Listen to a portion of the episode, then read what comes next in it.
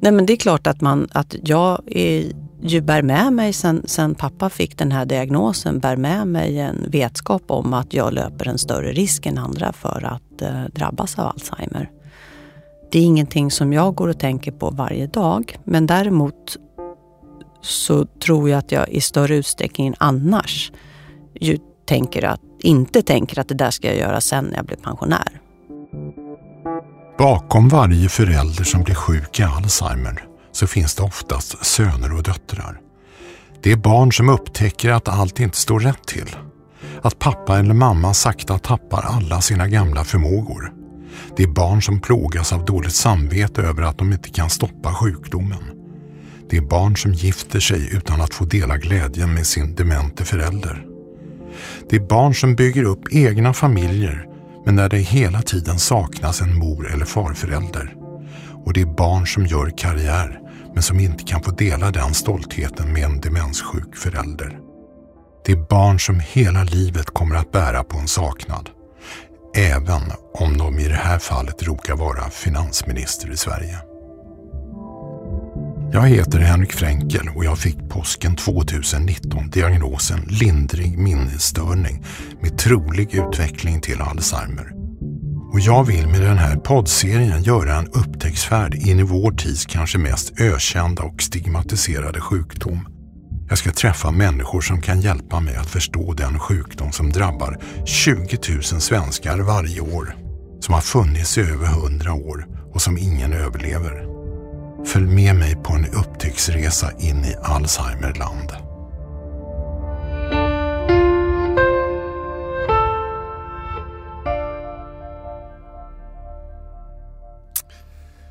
Och nu har jag finansminister Magdalena Andersson här. Hennes pappa Göran blev sjuk i Alzheimer redan 1992. Tio år senare så dog han. Välkommen Magdalena. Tack så mycket. Tack så mycket för möjligheten att vara här. Mm. Vad kände du när du hörde inledningen? Jag ser att dina ögon tåras. Nej, men det var, den var så på pricken. Det verkligen eh, beskriver väldigt mycket av eh, hur livet har varit och också hur det är och eh, den saknad som man ändå bär med sig genom hela livet. Mm. Vad roligt att jag lyckades pricka in ja. det. Jag tror väldigt, väldigt många barn till Alzheimer-sjuka kan känna igen sig i den där introduktionen. Mm. Eh, vi kommer komma in på flera av de här momenten med saknad och liknande. Eh, hur känns det att sitta här hos mig då? Det känns väldigt, väldigt bra. Eh, jag tycker att det är fantastiskt den här podden och det arbete som du gör. Och jag ville väldigt gärna medverka för det är viktigt att det är fler som pratar om Alzheimer, som uppmärksammar Alzheimer. För att eh, det är ju en folksjukdom. Och jag tyckte själv eh, när min pappa blev sjuk att det betydde mycket att få läsa och höra om andra människor i samma situation. Att kunna mm. spegla sig i andra människors sorg. Mm. Eh, jag fick för eh, några månader sedan ett mejl från din medarbetare. Hon skrev så här. Magdalena bad mig att kontakta dig efter att hon har läst något av reportagen med dig för att höra om det finns intresse att ha med henne i din podcast. Du har ju redan varit inne på det, men berätta hur du tänkte när du kontaktade mig. Nej, jag ville gärna kunna vara med och dela min historia eh, därför att jag vet att det kan betyda mycket för andra att spegla sig i, i hur andra har upplevt det här. Och för att jag vill att det ska vara mer fokus på Alzheimer. Både för hur mycket det betyder för de som drabbas av Alzheimer, men också för deras anhöriga. Och eh, i den situation som vi är i Sverige nu när vi har väldigt många 40-talister som kommer upp i 80-årsåldern så kommer det här också vara en, eh, med största sannolikhet en växande sjukdom i Sverige. Mm. Men det tyder också på att du verkar läsa om Alzheimer eftersom du uppmärksammade reportaget om mig. Nej men det är klart att, uh, att jag nog kommer ihåg extra mycket det man läser som handlar om Alzheimer eftersom det ligger väldigt, väldigt nära. Mm. Även om det nu är länge sedan min pappa dog. Mm. Vi har setts en gång tidigare. Kommer du ihåg det? Nej. Antingen har du dåligt minne eller så är jag obetydlig. eller, så träffar, kanske... eller så träffar du väldigt mycket människor. Det är nog det senare. Men om du berättar när det var, då kanske Stora jag kommer chefsdagen. Ja. Du var med på Stora chefsdagen. Ja. Vi ska släppa det. Nu blir du jätteorolig för att du har dåligt minne också. Vi ska prata om det här med ärftlighet ja. faktiskt lite senare. Men nu sitter vi i min poddstudio här på Södermalm och jag bad dig komma hit för att uh, göra samtalet här istället för på Finansdepartementet. Jag tänkte att du skulle få lämna jobbet som finansminister. Mm, det är nog väldigt bra. Ja, i alla fall för en stund. Mm. För här är du din pappa Göran Anderssons dotter Magdalena. Har du lätt för att gå in i den känslan? Ja, verkligen. Ehm, även om det är länge sedan han dog, som jag sa, så är det ju ändå så att eh, ja, ja, han finns ju alltid med mig. Allt det som han har eh, gett mig och den uppväxten som jag fick tillsammans med honom har ju betytt väldigt mycket för den jag är idag. Eh, mm. Och det kommer jag ju alltid bära med mig genom hela livet. När brukar du tänka på honom? Eh, eh, framförallt när det händer saker i barnens liv som jag önskar att han skulle vara med om. Mm. Eh, när min son tog studenten, när han fick körkort, när min dotter tog körkort, när hon tävlade ungdoms-SM, när min son haft trombonkonsert eller nu när han har skrivit sin första tenta i statistik. Vad tänker du då? Att han hade varit en väldigt stolt morfar och en, mm. jag vet ju att han hade varit en väldigt närvarande morfar som hade älskat dem över allt annat på jorden. Och att det är väldigt, det är verkligen tråkigt att se att de ska behöva växa upp utan den kärleken som de hade fått från sin morfar. Mm. Jag har ju fått den, jag har ju den så jag kan ju mm. bära med mig den. Men när de var så små när han dog så har ju inte, kommer inte de ha med sig de minnena. Vi ska prata om din pappa Göran Andersson och jag tror att jag kommer få några bilder av er tillsammans som jag tänkte lägga upp på min hemsida sen.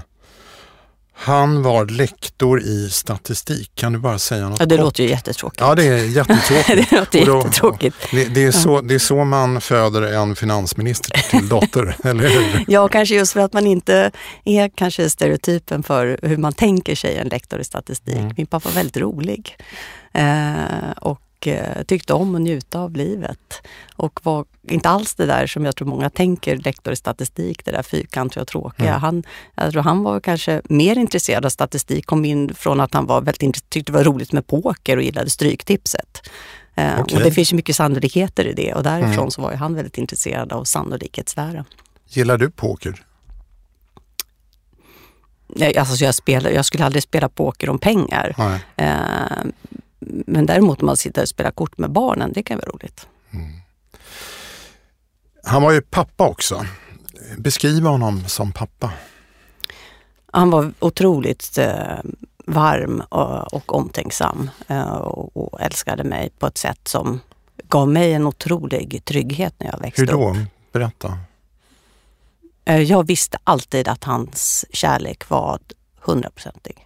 Och oavsett vad jag gjorde visste jag att han alltid skulle älska mig. Och hur kände mig. du det? Det vet jag inte, men det visste jag. Det har jag alltid vetat.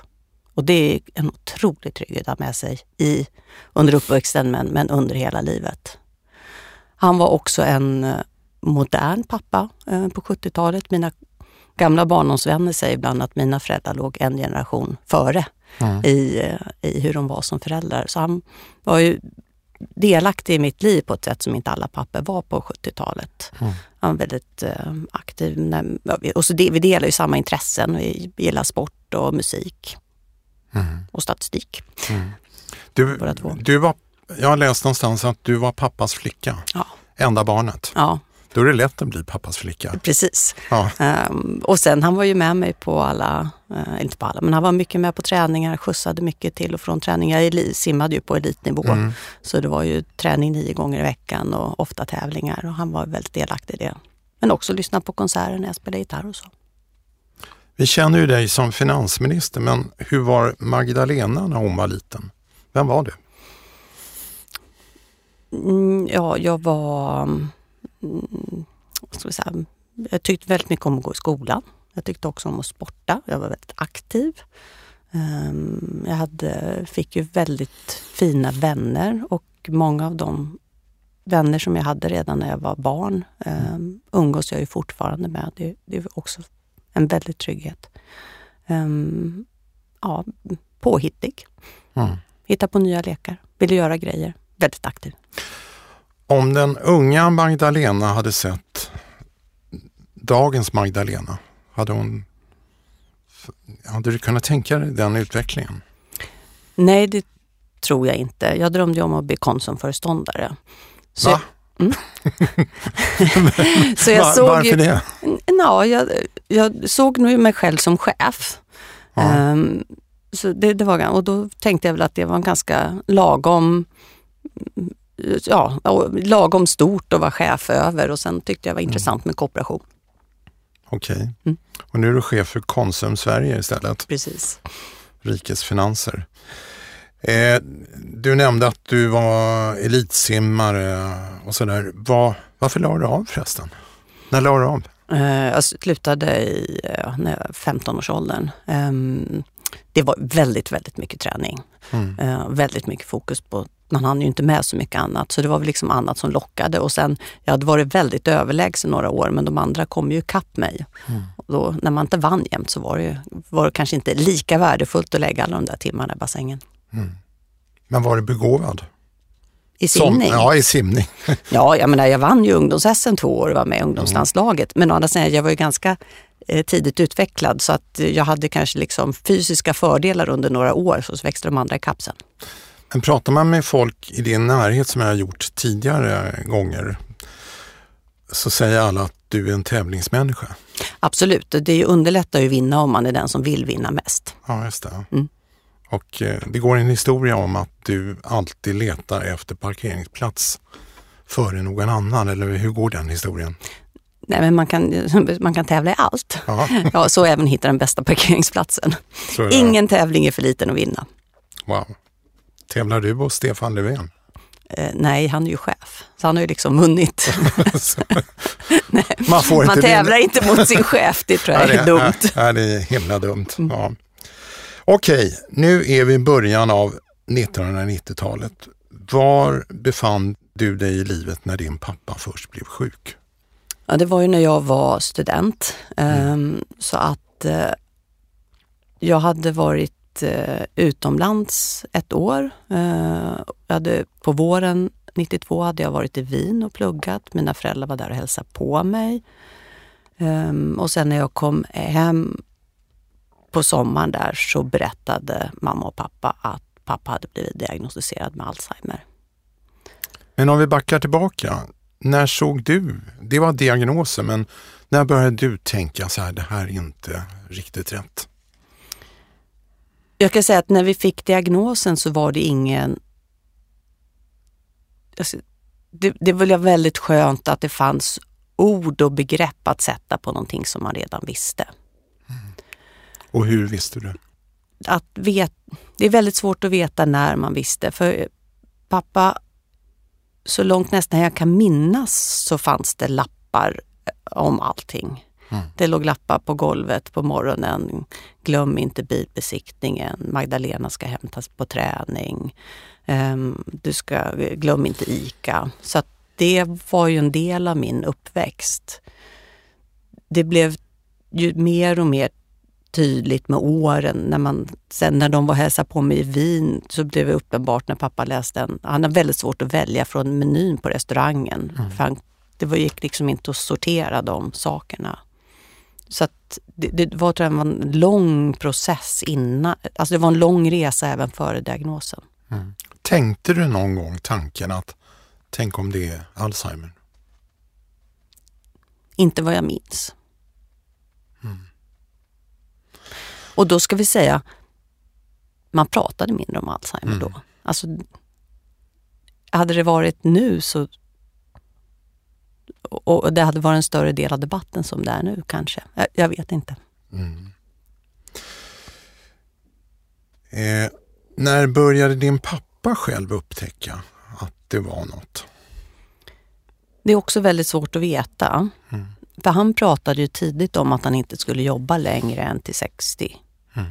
Och var det för att han ville göra andra saker? Det, då alltså, göra så andra saker efter det eller var det att han ganska tidigt förstod att det var något som var fel?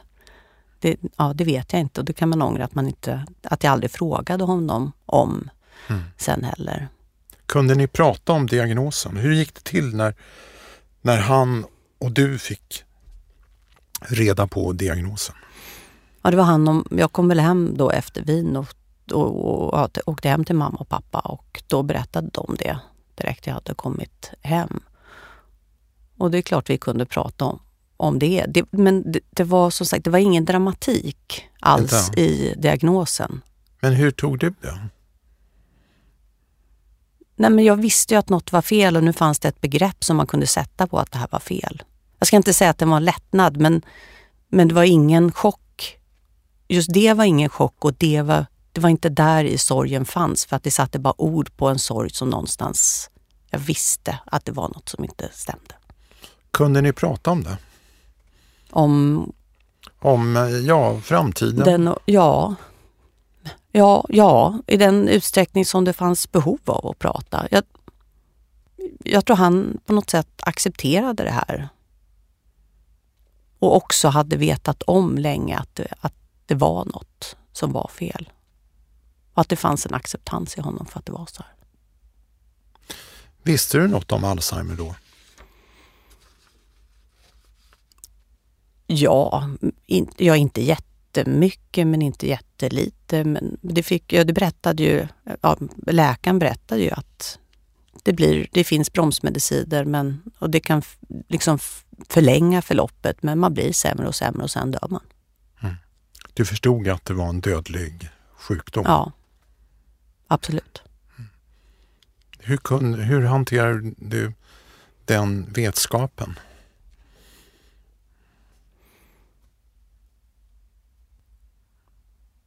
jag, jag, det som var viktigt för mig såklart, det hade ju varit i alla fall, det är ju att ha tid att vara med pappa. Um, och, och stötta mamma i den utsträckning som det gick att stötta. Men hon var ju också ung och hon hade ju sitt arbete och ville såklart fortsätta jobba. Um, så att jag försökte vara hos mina föräldrar och träffa pappa. Och um, men du, och eh, ja, men du hade ju din, kar du hade ju din karriär och allt, allt möjligt och du pluggade på Harvard också? Ja, precis. Eh, mm. Kunde det vara med honom då? När du... Därför det här är ju det klassiska dilemmat. Mm. Nej, jag kände, ja, precis. Kände jag något dåligt samvete? Nej, det gjorde jag inte. Um, det var inte min fråga. Nej, men, men, men det låg i frågan. Nej, jag, jag vill ju vara tillgänglig på det sättet jag kunde men samtidigt så tror jag det fanns absolut ingen förväntan och jag tror inte pappa hade önskat att jag skulle sluta leva mitt liv. Mm. Och att jag skulle tacka nej till att åka till Harvard, eh, det tror jag hade varit helt fel beslut. Eh, så för mig var det liksom självklart och ingen plåga att jag skulle fortsätta leva mitt liv. Men självklart ändå finnas där för mina föräldrar. Mm. Vad kunde du, du göra under hans sjukdomstid? Vad gjorde ni?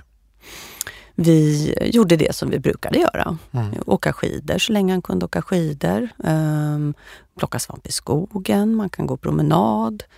Um, åka och fika. Um, gå och ta en öl.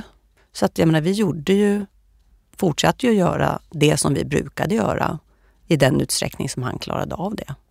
Och i takt med att han kunde prata mindre och mindre så kan man ju, då kan man ju kramas mer istället. Mm. Så att det finns ju, och man kan kommunicera på andra sätt än att, att prata sen när han blev sämre. Så att jag tänker att vi fortsatte, jag tycker vi fortsatte umgås på samma sätt som tidigare fast anpassat utifrån de förmågorna som han hade kvar. Mm. Var han ledsen? det var ju väldigt plågsamt när, när han tappade förmå när han tappade förmågor. Mm. Det blir väldigt jobbigt och ångestfyllt. När du åker och handlar och har svårt att hitta tillbaka. Du mm. vaknar på natten och har svårt att hitta till toaletten. Du öppnar kylskåpet och du vet inte vad du ska göra med sakerna. den perioden var ju väldigt tuff naturligtvis. Sen är min bild att det blev liksom lugnare när väldigt mycket av det där hade tappats. Mm. Mm. Samtidigt så, så, han han levde också, det, det, var väldigt jobbigt att tappa men någonstans hade han, det fanns också en acceptans hos honom för att det var så här det var. Mm. Hur mådde din mamma under den tiden? Nej men det är klart att det var väldigt tufft och jag måste säga som, alltså jag beundrar henne verkligen då men också nu, eh, kanske ännu mer nu när man själv är lite äldre. Vilken otrolig styrka eh, hos henne som jobbade heltid, eh, hanterade eh, det här.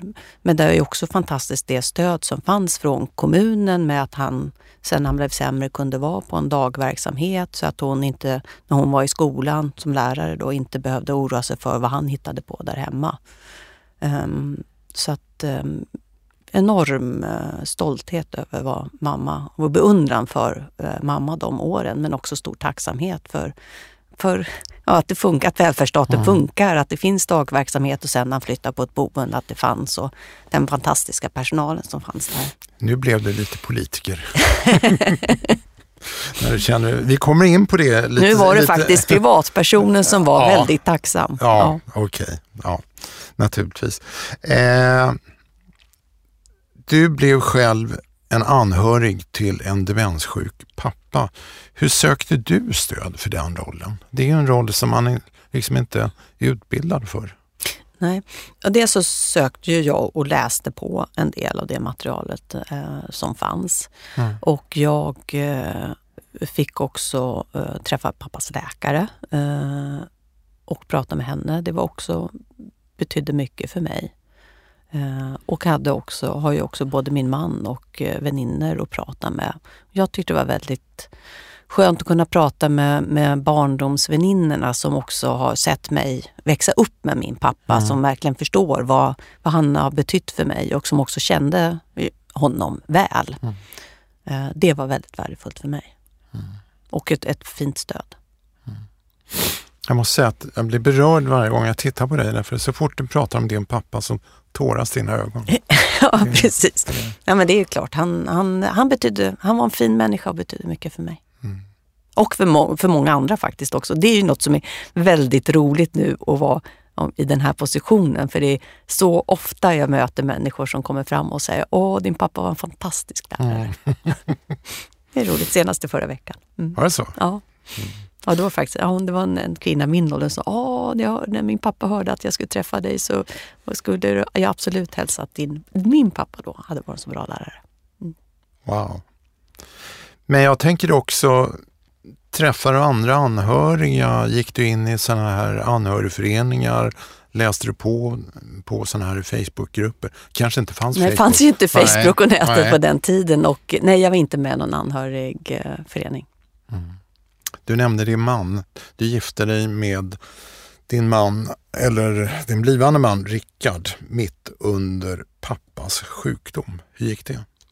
Eh, det var ju fantastiskt för eh, min pappa kunde ju vara med. Han var ju då väldigt märkt av sjukdomen. Eh, mm. Men han kunde vara med tack vare att en av dem som jobbade på hans boende kunde vara med på hela bröllopet. Så han var med på själva vixen och sen också på middagen på kvällen.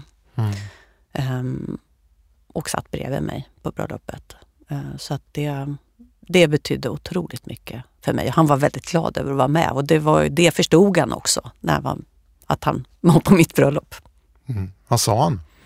han var i den fasen att han inte pratade så mycket alls. Han hade ja, det är närmast tappat talförmågan helt. Då. Vad betyder det för dig att ha honom bredvid dig? Jättemycket ja, det var ju mitt bröllop såklart att jag vill att han ska vara med. Mm. Och sen vet jag också att han var väldigt glad för att jag gifte mig med Rickard. För att han eh, tyckte väldigt mycket om min man också. Mm. Så hamnar han på ett omsorgsboende och när man pratar med eh, anhöriga till Alzheimer-patienter så brukar de säga att det var det svåraste beslutet i deras liv. Hur var det för er? Nej, jag tror inte att det var ett jättesvårt beslut. Det var ju mamma som fattade det beslutet mm. och eh, hon eh, orkade inte mer helt enkelt. Eh, hon hade ju ändå varit liksom vårdare åt honom i, i många år och eh, det, hon orkade inte längre. Men det är ju ingen som vill hamna på ett boende. Jag är, in, jag är inte säker på det. Mm. Att det är så. Och att vara på ett boende med personal dygnet runt kan vara väldigt mycket tryggare än att ha många timmar själv. Och också, det vet jag inte, men, för, men som jag känner honom kan jag också tänka mig att det för honom också var en lättnad i att det inte var en belastning för mamma. Samtidigt, alla längtar ju hem. Ja. Jag vet inte för att vi var, jag tog ju med honom hem mm. eh, några gånger då efter att han var det här boendet och eh, det var ju inte så att han inte ville åka tillbaka. Mm. Eh, ja. Han var, han var väldigt trygg på sitt boende. Mm. Han dog 2002. Hur var hans sista tid? Nej men den var väldigt begränsad. Eh, jag fick ju barn 2001, ett år innan han dog. Mm. Jag tror inte att han förstod att han hade fått ett barnbarn. 99 mm. när, jag fick, när jag fick mitt första barn, det förstod han mm. verkligen. Det märktes. Han var mm. väldigt glad och märkte och tyckte det var roligt att ha fått ett barnbarn. Mm. När min dotter föddes så tror jag inte att han, eh, att han förstod det. Däremot, sen vet man ju aldrig om man inbillar sig, men jag tror att han kände igen mig. Mm. Och eh, länge i alla fall. Och, eh, det, det kändes som att när vi tittade på varandra i ögonen att han visste att det var jag. Men han, hade väl, han var ju väldigt dålig på slutet och som sagt kunde ju inte prata sedan flera år tillbaka. Då hade svårt att gå, fick åka i rullstol och var ganska mycket sängliggande. Hur var det för dig att se honom? Nej men oändligt sorgligt. Såklart. Och det var ju en, en, en ung person också. Mm. Mm. Nej, så det är väldigt, väldigt sorgligt. Du har två barn. Hur, hur gamla är de idag? Idag är de 18 och 20. 18 och 20. Eh, du nämnde att han knappt fick uppleva ena barnet. Mm. Och du kan ju säga att mina egna föräldrar, de dog unga. Så inte heller mina barn, jag har två barn, fick växa upp med dem. Och eh, det är en otrolig sorg i, i mitt liv. Att inte... Mm. Eh, mina föräldrar finns i deras värld, i deras liv. Men de fick aldrig träffa dem. Mm. Men det det, det är ett sår i mig. Eh, ja, då förstår du frågan. Ja. Vad tänker du? Hur är det för dig? Nej men det är verkligen det är verkligen, verkligen något som det är en förlust mm. för dem som är stor. Uh, och de har ju bara en uh, kvar i livet av fyra mm. far och morföräldrar. Och den kontakten bakåt som kan vara väldigt värdefull och det vet jag själv. Jag hade ju väldigt nära kontakt med både min mormor och morfar. Och, och har betytt mycket för mig. Um, också ja, kontakten bak i historien, eh, sitt ursprung. Och där, eh, utöver den kärlek som de hade fått så finns ju någon länk bakåt som, som de saknar. Det är tur att de har mormor kvar. Ja. Finns Göran, finns Göran i er familj? Pappa Göran? Ja, Eh, det gör han. Eh, ja, det, det, och det kommer upp till och från. Det är klart, när min son läser statistik så är det klart att... Oj då! ja, då kommer morfar upp och okay. ibland så tycker man att han är lik i, i sättet och i utseendet. Mm -hmm. Så att han får nog, han får nog höra till och från om, om morfar och, och min dotter också. Och det säger och nu hade morfar varit stolt. Okej. Kan jag säga. Är det du som på, påverkat honom in mot statistiken? Eh, Man önskar ju alltid att ens barn gör fria och egna val. Och sen, Men är inte det här fallet?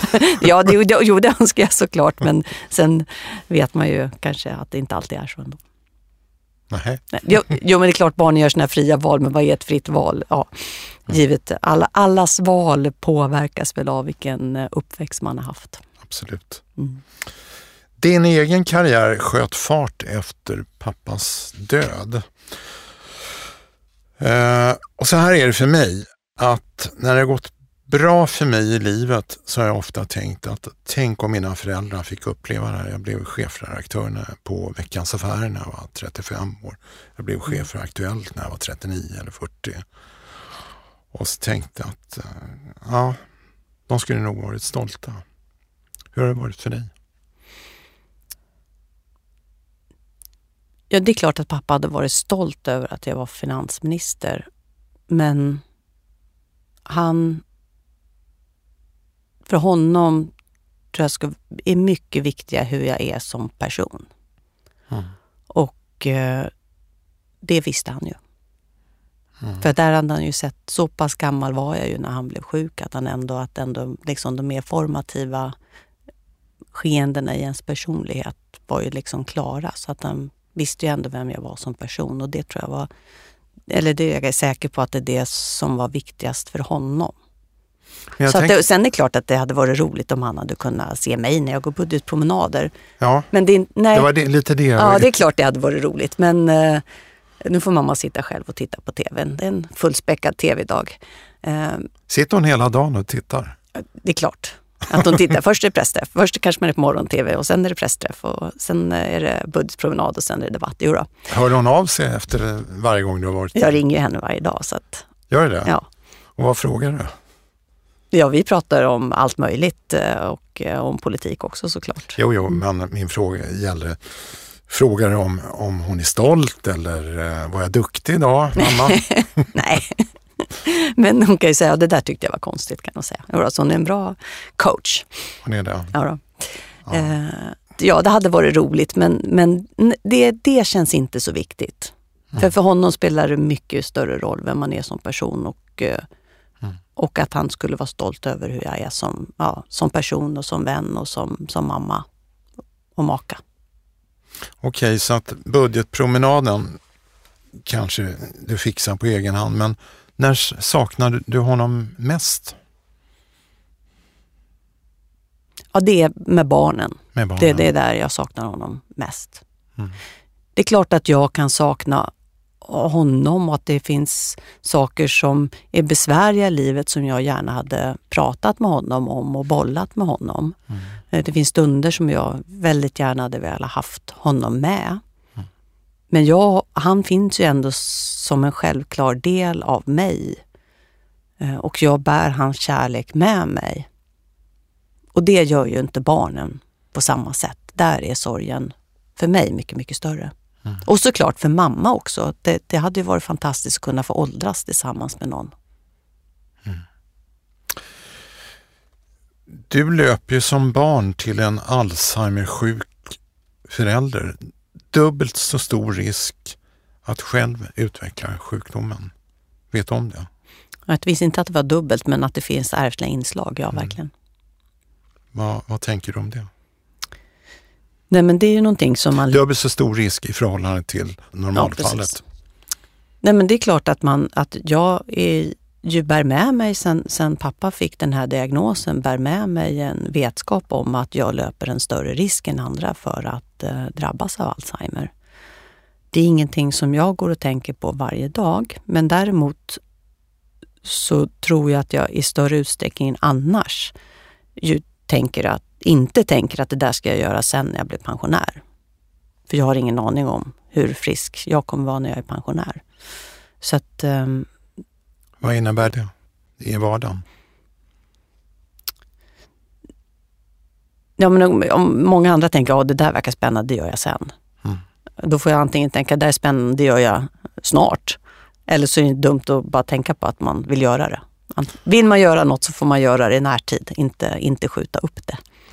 Men samtidigt tänker jag att Så, jag, är man finansminister så har man inte råd. Eh, har, jo, man har råd kanske, men, men man har inte tid att göra sant. saker. det är helt så korrekt, men varför ja. skulle man vilja göra något annat än att jobba?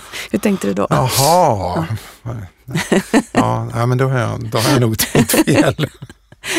Nej, men, eh, nej, det är klart man fun- funderar och, det, det, och klart i min roll, eh, stress är ju inte bra, det vet jag ju. Ja. Ehm, så, och, Stress är väldigt dåligt mm, och, för den här sjukdomen.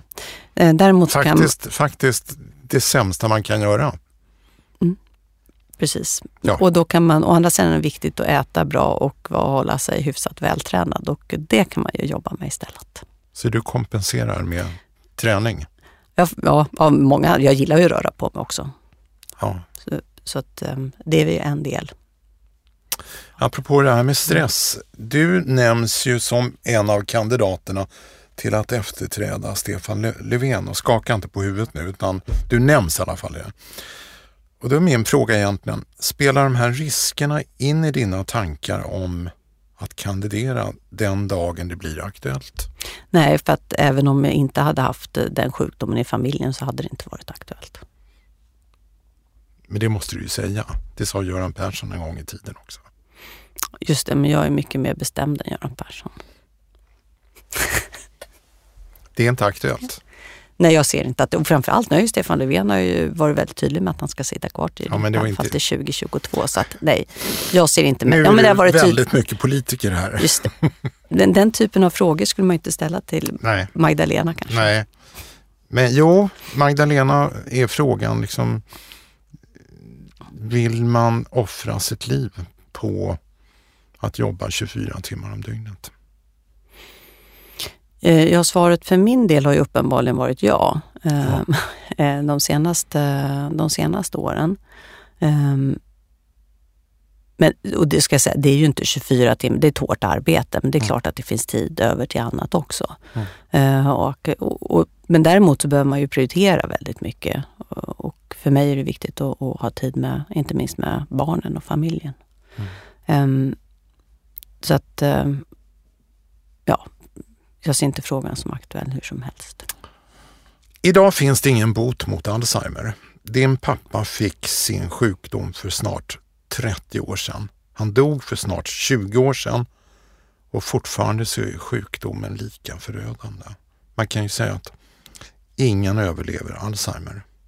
Vad tänker du om det? Ingenting har hänt. Jag tror att bromsmedicinerna har utvecklats så att det Jag, jag fungerar tar, jag, något bättre. Va? det är inte bromsmedicin, jag tar den. Mm. Det, det är symptomlindrande medicin. Mm. Och vi har lite mer kunskaper om vad som händer i hjärnan. Men det är ju väldigt Mm. mycket forskning. Alltså, ja, de här grejerna man vet nu om plack och, Mm. och det där, det visste man ju, tror jag i alla fall. Eller jag visste inte om det då i alla Mm. fall. Men det är uppenbart att det behövs mer forskning på, på det här området. Ehm, för att både ha bättre koll på vad det är som händer men också hitta kanske inte bara lindring utan också de facto bot. Mm. Idag får 20 000 svenskar Alzheimer varje år. Det är 250 000 människor i det här landet som lever med den här sjukdomen och det finns ingen bot. Vad, när du tänker de här siffrorna, vad, vad tänker du då? 20 000 är två fulla Globen varje år. Ja, och, och, och sen det är ju många, många fler som berörs. Ja, Det är ju det är dubbelt så många, Ja, tre precis. gånger så många. Precis, minst dubbelt så Ja. många. Väldigt många har ju en, Mm. en partner och sen Ja, har du barn som påverkas. Och, eh, så att det, är ju, det är ju verkligen det är en folksjukdom och eh, det är många i, i Sverige som påverkas. Och det kommer också bli fler när vi Mm. får eh, en större andel som är, är över 80 år. Och i, I förhållande till det så är det ju väldigt lite uppmärksamhet kring Mm. den här sjukdomen. Och varför är det det? Jag tror att för att den... eh, Därför att, och det är det som du gör så fantastiskt, att det är väldigt få som, som har fått en diagnos som, som kliver fram eh, och pratar om det. Och eh, det är ju... Eh, jag hoppas att fler följer i eh, dina fotspår. Eh, varför är det sånt stigma kring Alzheimer tror du? Därför att vi, därför att vi, vi tänker att personligheten sitter i hjärnans funktion. Mm. Jag tror, skulle jag gissa. Och, och det gör ju bara, delvis gör ju det. Sen Alzheimer utvecklas olika hos olika personer. Men för min pappa, han var verkligen min pappa hela tiden på precis samma sätt. Och vi hade ju en fantastisk kommunikation genom hela hans sjukdom ända tills han dog. Eh, men, men det är ju den här, hjärnan, personligheten sitter i hjärnan och då blir det stigmatiserande att prata om det. Och eh, påverkar säkert hur människor... Man är rädd för att det påverkar hur människor ser på en. Mm. Vi pratade om den ökade risken för en sån som du, dotter till en eh, sjuk far. Kan du leva in i uh, känslan att själv få sjukdomen? Jag tror att det är svårt. Tror jag. Och jag ska inte säga att jag har lagt mycket energi på att försöka. Mm. Det tror jag att jag nog stöter bort mm. lite. Jag vet att risken finns där. Men nej, det, tror jag in, ja, det har jag inte gjort och um, mm. det, skulle, det, när det känns jobbigt. Mm. Och det undviker man ju lätt. Det, och Saker som känns jobbiga. All, allt som är jobbigt. Ja. Mm. Samhällets kostnader för Alzheimer och demens ligger på över 60 miljarder idag. Det är lika mycket, du kan ju budgeten, det är lika mycket som hela försvaret. Mm. Det är lika mycket som hela rättsväsendet med polisen. Eh, med hela polisväsendet. Vad, vad tänker du om det? Och den här kostnaden ökar lavinartat. Försvaret kan ju påverka, mm. men det här kan inte påverka. Jag tänker två saker. Det första jag tänker att det är bra. Det är, det är bra att det finns stöd som betalas med offentliga medel för personer och anhöriga som drabbas av mm. Alzheimer. Det tycker jag är bra. Att det inte är, det ska inte vara plånboken som styr vilken vård man får utan det ska finnas bra skattefinansierad vård och omsorg för alla. Jag tycker det är bra att vi betalar det här gemensamt. Och eh, det kommer att kosta mer de kommande åren och det tycker jag att vi ska betala gemensamt. Därutöver behöver ju fler anställda utbilda sig att möta personer med Alzheimer eh, så att man, så att man kan få en väldigt god vård. Det är det ena man tänker. Det andra man tänker är att det visar också på hur viktigt det är att det finns forskning för att kunna både lindra och förebygga Alzheimer. Mm. Tycker du att det forskas tillräckligt mycket? Det är ju liksom forskare som själva söker om liksom vilka eh, forskningsprojekt man vill ha. Det finns det... ju duktiga Alzheimerforskare i Sverige. Men jag önskar naturligtvis att det var fler läkare, eh, forskare och professorer som intresserade sig för Alzheimer och, och, och, sökte forskningsanslag för att få forska mer om Alzheimer. Och kanske också att fler läkemedelsbolag eh, ägnade sig åt forskning där. Mm.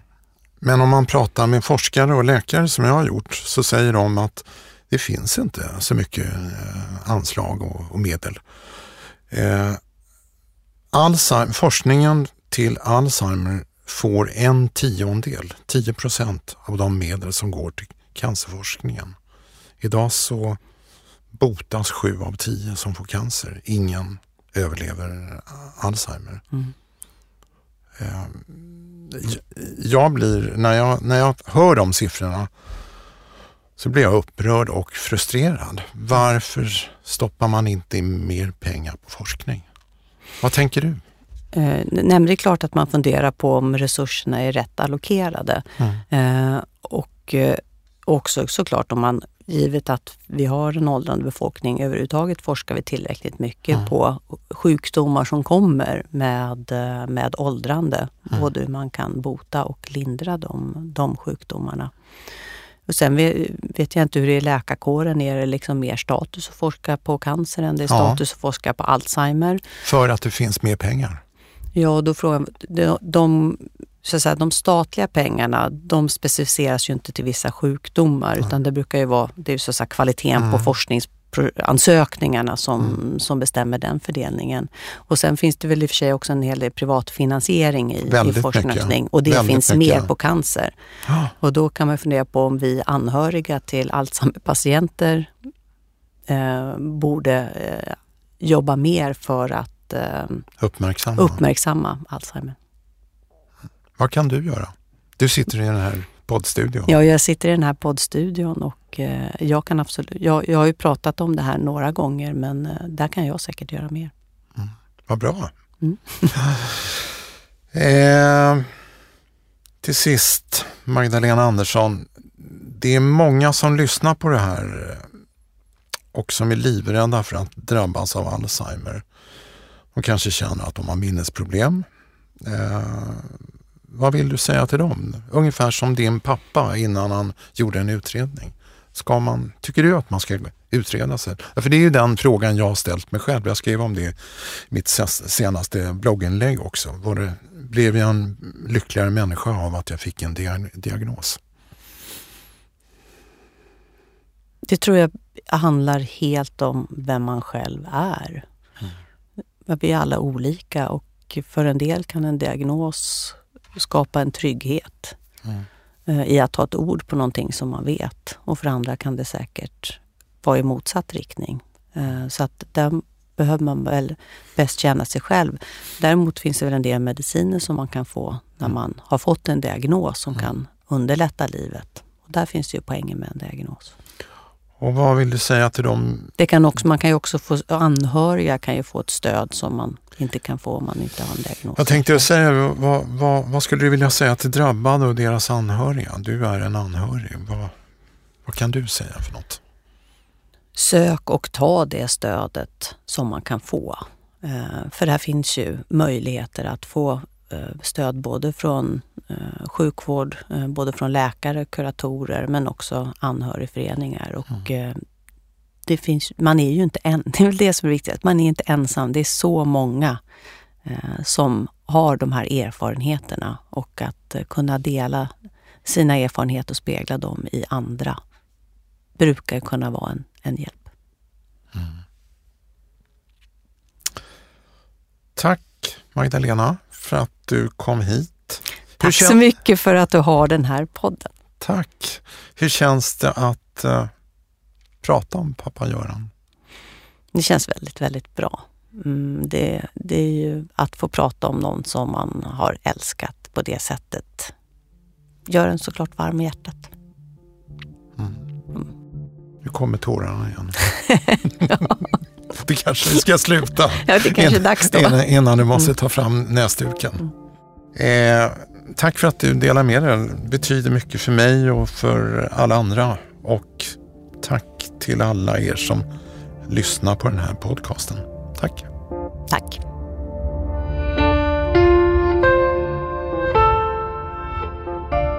Forskningen om Alzheimer behöver mer pengar. Alzheimerfonden är den insamlingsorganisation i Sverige som enbart fokuserar på anslag till forskning om Alzheimers sjukdom. Varje år delar Alzheimerfonden ut tiotals miljoner till landets mest lovande forskare. Förhoppningen är att man ska kunna hitta bromsmediciner och botemedel. Frivilliga gåvor avgör om forskningen kommer att nå målet. Podden Hjälp jag har Alzheimer produceras av Fränkel Media och görs på Beppo. Beppo.